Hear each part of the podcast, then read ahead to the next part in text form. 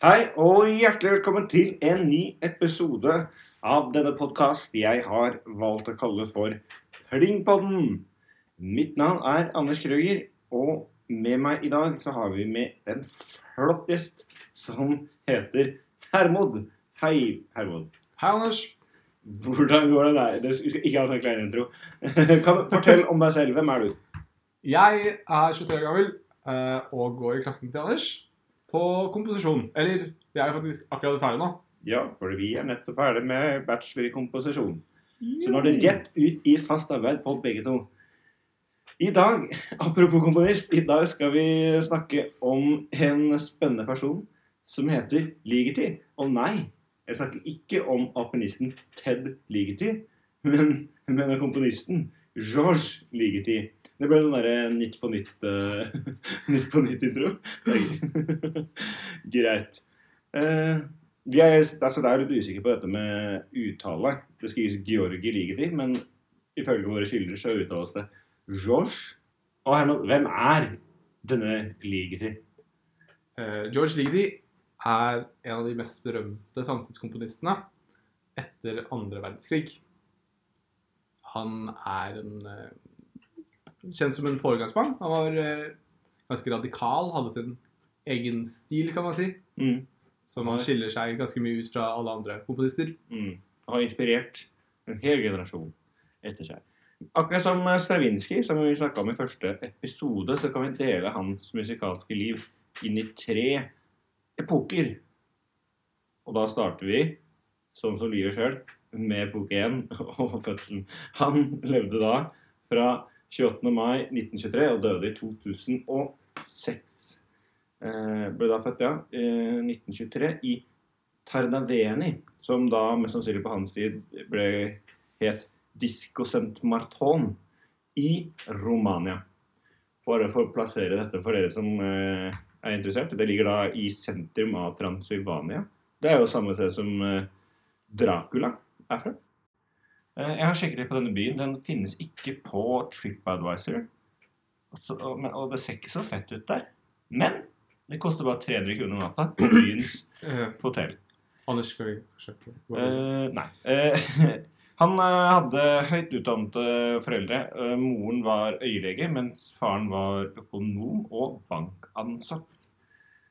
Han begynte å spille piano og begynte å skrive litt korte stykker da han gikk i, da han gikk i tenårene, eller da han eh, var i tenårene. Og da han var barn, så hadde han to drømmer. Det ene var å bli en kjent fysiker som vant Nobelprisen. Og det andre var at han skulle bli en anerkjent komponist. De to store forbildene hans som eh, da han var yngre, det var Bella Bartok og Stravinskij. Men så vi kommer litt, eh, som Herman skal snakke litt eh, mer om, så ble han nektet å studere fysikk. Eh, Så da måtte han må begynne på musikkonservatorium, og da ble liksom det valget gjort for han. Så da Ja. var det jo musikk han kjørte på med videre. Ja, Han ble lekt fordi han var jøde.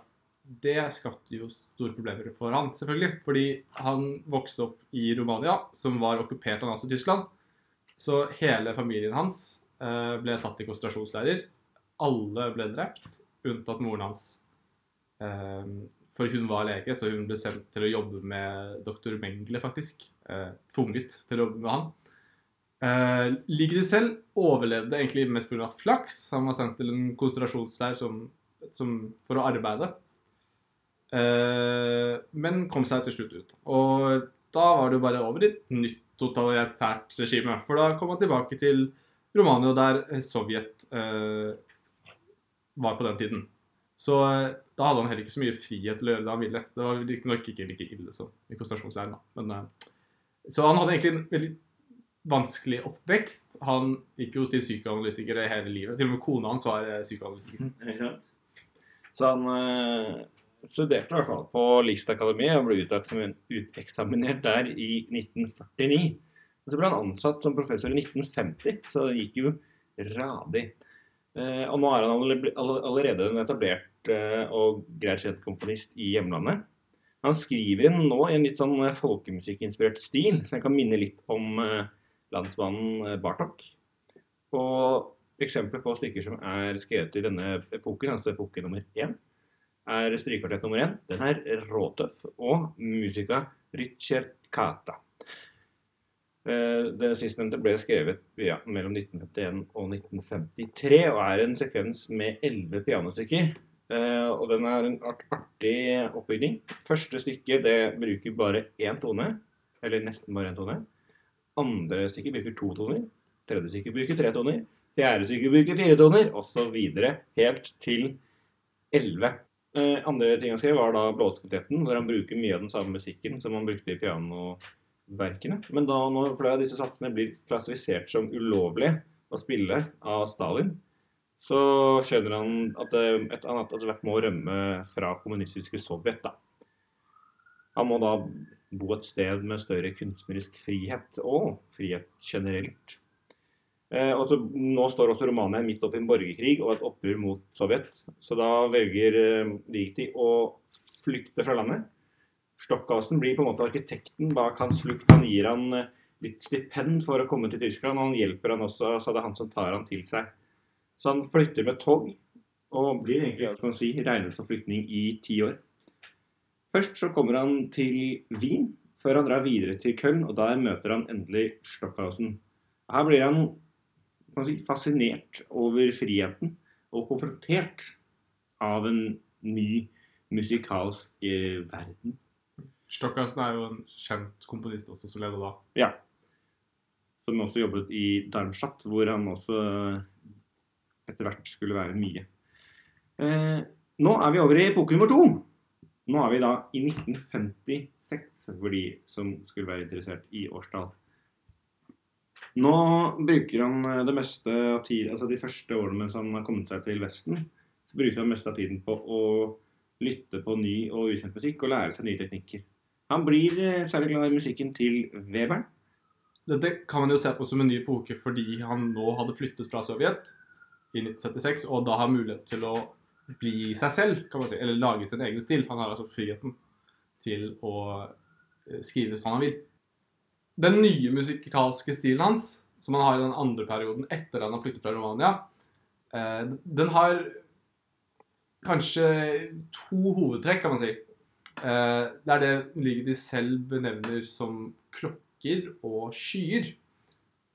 Det han tenker på når han sier klokker, er maskiner eller mekaniske mekanisk aktivitet som går og går, men har litt, den ramler litt sammen. Litt som du har en maskin der du tar ut et tannhjul, eh, og så plutselig bare kollapser den litt, og den går litt feil og sånt. Eh, og så er han det som han kaller skyer, som er eh, lange, saktegående gester. Eh, tenk deg litt som en fugleflokk som du ser på avstand og lager en formasjon, men du ser ikke alle detaljene før du er på nært hold. Mm. Og dette her kan vi høre, i hvert fall dette med skyer, kan vi høre i hans mest kjente stykke, et av hans mest kjente stykker, som heter Atmosphere, eller Atmosfær. Uh, ulike uttaler av det navnet. Det er for uh, fullt uh, symfoniorkester, og er på ni minutter, så det er ikke så langt. Takk så langt jeg hører på det. Eh, atmosfære det representerer på en måte klangflatemusikken, da. Og det er dette, disse skyene som Hermod snakker om. Det er da en idé om en statisk klang som over tid eh, rolig utvikler seg. Selv så bruker han eksempler på hvordan en bølge utvikler seg eh, fra den liksom er ute på havet til den skyller inn på land. Og Det er liksom da en musikk også som Den har ikke noe tydelig eh, harmonikk og ikke noe tydelig melodi, men mer den derre si, Den enorme klangen da, som brer seg rundt i orkesteret. Eh, For å skape denne effekten så bruker han eh, noe som han kaller for mikropolofoni. Dette er da sterkt inspirert av det altså vanlig i hermetegn polofoni, men det gir paradoksalt nok eh, det motsatte resultat, nesten.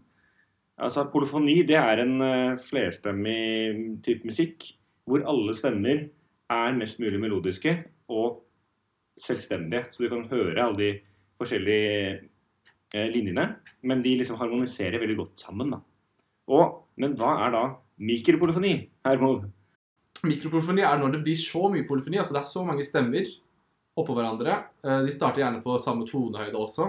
At de, de, de overlapper hverandre, og de veves inn i hverandre så at det blir så kompakt at man ikke hører hver enkelt stemme lenger. Så det blir heller som et veldig livlig lydteppe flashback, kan man si. En tekstur som endrer seg over tid.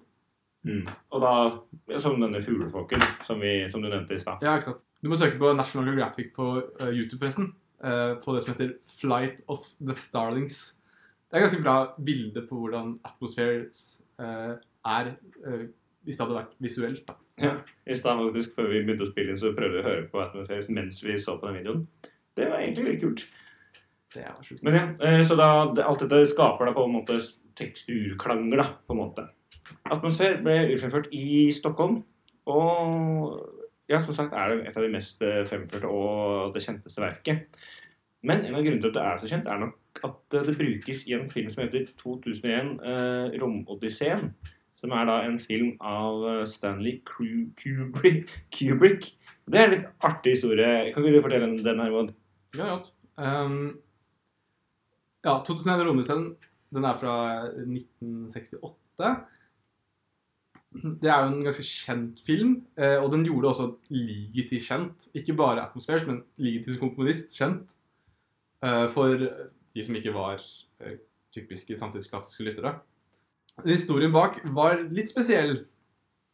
Fordi Kubrick, da han lagde filmen, så man pleier som regel å ha det som heter eh, temp track, ja, temporary track, som er et sånn, en veiledende skisse for hva slags musikk skal, det skal være.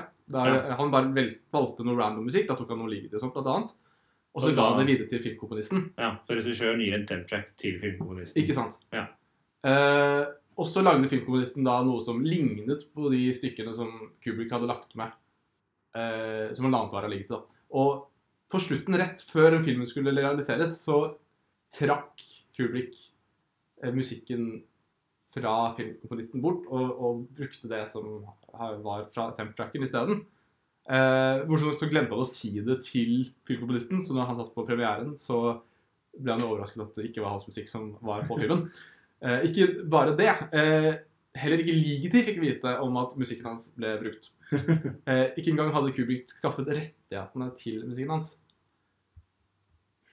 Så dette førte til at de saksøkte han, og, men de kom, de, de kom til enighet. Eh, Kubica har senere brukt musikken til Ligeti, og de ble ikke uvenner. Men eh, det var, eh, det var vel flaks. Ja, de var vel ganske begeistret for hverandre, kan man si. Ja. Det var vel derfor det gikk bra. Det var derfor det gikk bra. Og da, etter den filmen, så blir jo Ligetis navn kjent, da. På en måte. Så, eh, men ja, i denne perioden, altså den midterste perioden som vi er i nå, så har det skjedd mye gøy. Jeg har snakket om eh, eh, klokker og skyer, som også er navnet på et stykke som heter Clocks and Clouds. Og så har vi også snakket om Atmosphere. Han har også andre klangstykker som eh, Lontano og Luxa Terna, som er for eh, orkester, og det andre er for kor. Han skriver også en opera som på en måte blir avslutningen på denne epoken. Eller blir vel nærmere sagt starten på neste epoke. Ja, kanskje. For det er et veldig stort prosjekt. Det er kanskje en av de mest spilte samtidsoperaene. Eh, det som er morsomt med den, er det er den Ligeti selv kalte det en anti-anti-opera. Ja. Du har jo eh, vanlig opera, som alle vet hva er. Og så er det den eh, søramerikanske komponisten Kagel som lagde det han kalte en antiopera, som prøvde å utfordre alt som har blitt gjort i opera tidligere. Ligeti ville jo verken lage en vanlig opera eller en antiopera, så han lagde da det han kalte en anti-anti-opera. Det er jo da en eh, BDSM-opera om Hva er det? Om verden går Det er under? verdens undergang. Jeg tror det er, men så han som skal få verden til å gå under, altså eh, døden, han eh, blir for full, så han glemmer å la verden gå under. Så det er, det ses, den er, det er veldig morsomt. Det er en versjon med Barbara Hannigan hvor hun gjør en helt utrolig prestasjon. Ja.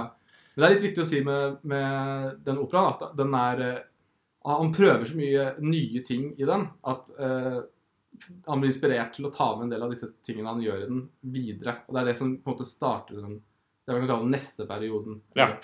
Så nå er vi i år 1977 cirka, så går vi over i den tredje perioden. Nå er han allerede ansatt som eh, lærer ved Høgskolen i Hamburg. Og han er jo da også lærer i kontrapunkt og, og polofoni, som vi har sagt om. At han er nerd i polofoni. Og nå etter denne operaen så prøver han på nye ting. Blant annet eh, Jeg kan si tre ting, kanskje, som er litt eh, betegnende for den tredje perioden. Det ene er dette at han lar seg inspirere mer av ikke-europeisk musikk. Der han bruker f.eks. musikalske virkemidler sånn som polymeter, som betyr at det er flere eh, taktarter oppå hverandre, flere pulser eller rytmer oppå hverandre. Eh, og så er det andre det at han bruker eh, prosesser som, som bygger på seg selv. Eh, hvis jeg kjenner til Mandelbrot-settet, f.eks., som er at eh, strukturene som er på detaljnivå, eller mikronivå, er de samme strukturene som man finner på, på makronivå. Dette ser man også i noe av musikken til Legacy fra den perioden. Eh, blant annet pianotydene er et godt eksempel. Eh, og det tredje er at han tester ut alternativer til Altså det, det som var veldig gjeldende på den tiden, enten atonale atonal musikk eller funksjonstonal musikk. Vi hadde liksom avantgard-skolen, de holdt på med atonal musikk, og så var det neoromantikere og neoklassikere som holdt på med funksjonstonale. Så da prøvde han heller ut andre ting, som mikrotonalitet, eller det å dele opp eh, kromatiske teksturer i grupper, eller modaliteter. For Mm. eksempel hvite og svarte tagenter. Ja. Det har han brukt i Atmospheres også, for så vidt, så det er ikke helt nytt. Nei.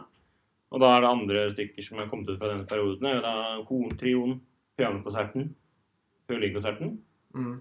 og bratsjsonaten. Da særlig bratsjsonaten, som er sånn eh, ja, med kvarttoner og en sånn overtonespekter.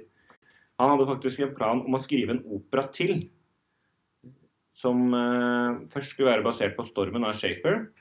Og så ombestemte han seg, skulle den være basert på 'Alice i Eventyrland'.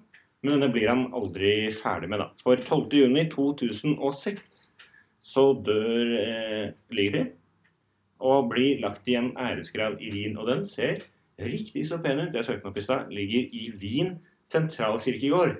Som ikke ligger i sentrum, men langt utenfor eh, Wien sentrum. Hvis dere har lyst til å besøke graven hans. Koster mye på TripAdvisor her også, eller? Wien tror jeg er litt dyrere enn eh, stedet han ble født, som jeg ikke husker hva han har vel påvirket en del innen uh, kunstmusikken, og det er veldig mange som har blitt inspirert av han. Og så har han også på si, inn, altså påvirket stort innen filmmusikken, som Herman snakket om. Han har blitt brukt konkret inn i filmmusikken, og sikkert en del filmkomponister som har blitt inspirert av han også. Så nå er vi liksom mot slutten, men kunne ikke du prøvd å oppsummere Holdt på å si, holdt på å si oppsum, Oppsummere livet til Ligeti nå.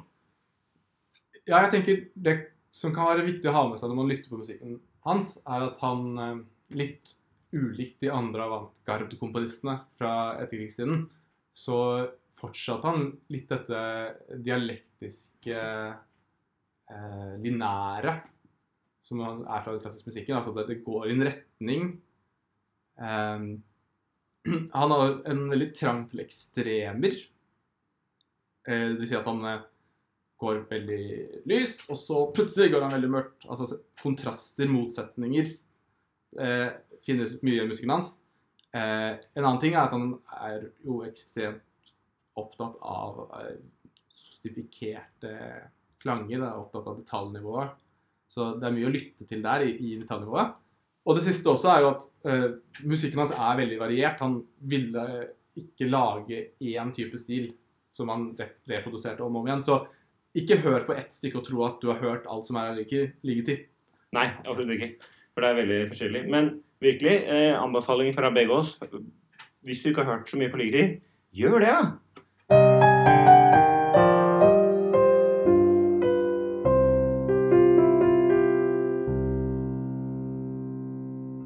Da er vi over i spalten som heter Ukens anbefaling! Det var en sykt teit måte å gjøre det på. Men uansett, vi er over i spalten hvor gjesten tar med seg et stykke som han, hun eller hen vel ønsker at vi skal høre på. I dette tilfellet er det vel han. Det stemmer. Du identifiserer deg som han. Ja, Ja. jeg tror det. Eh, det er ikke så viktig uansett, for min del. Men hva er det du ønsker å anbefale for oss i dag? Jo, nå som vi har snakket så mye om Ligeti, så passer det seg jo fint å anbefale et stykke av Ligeti.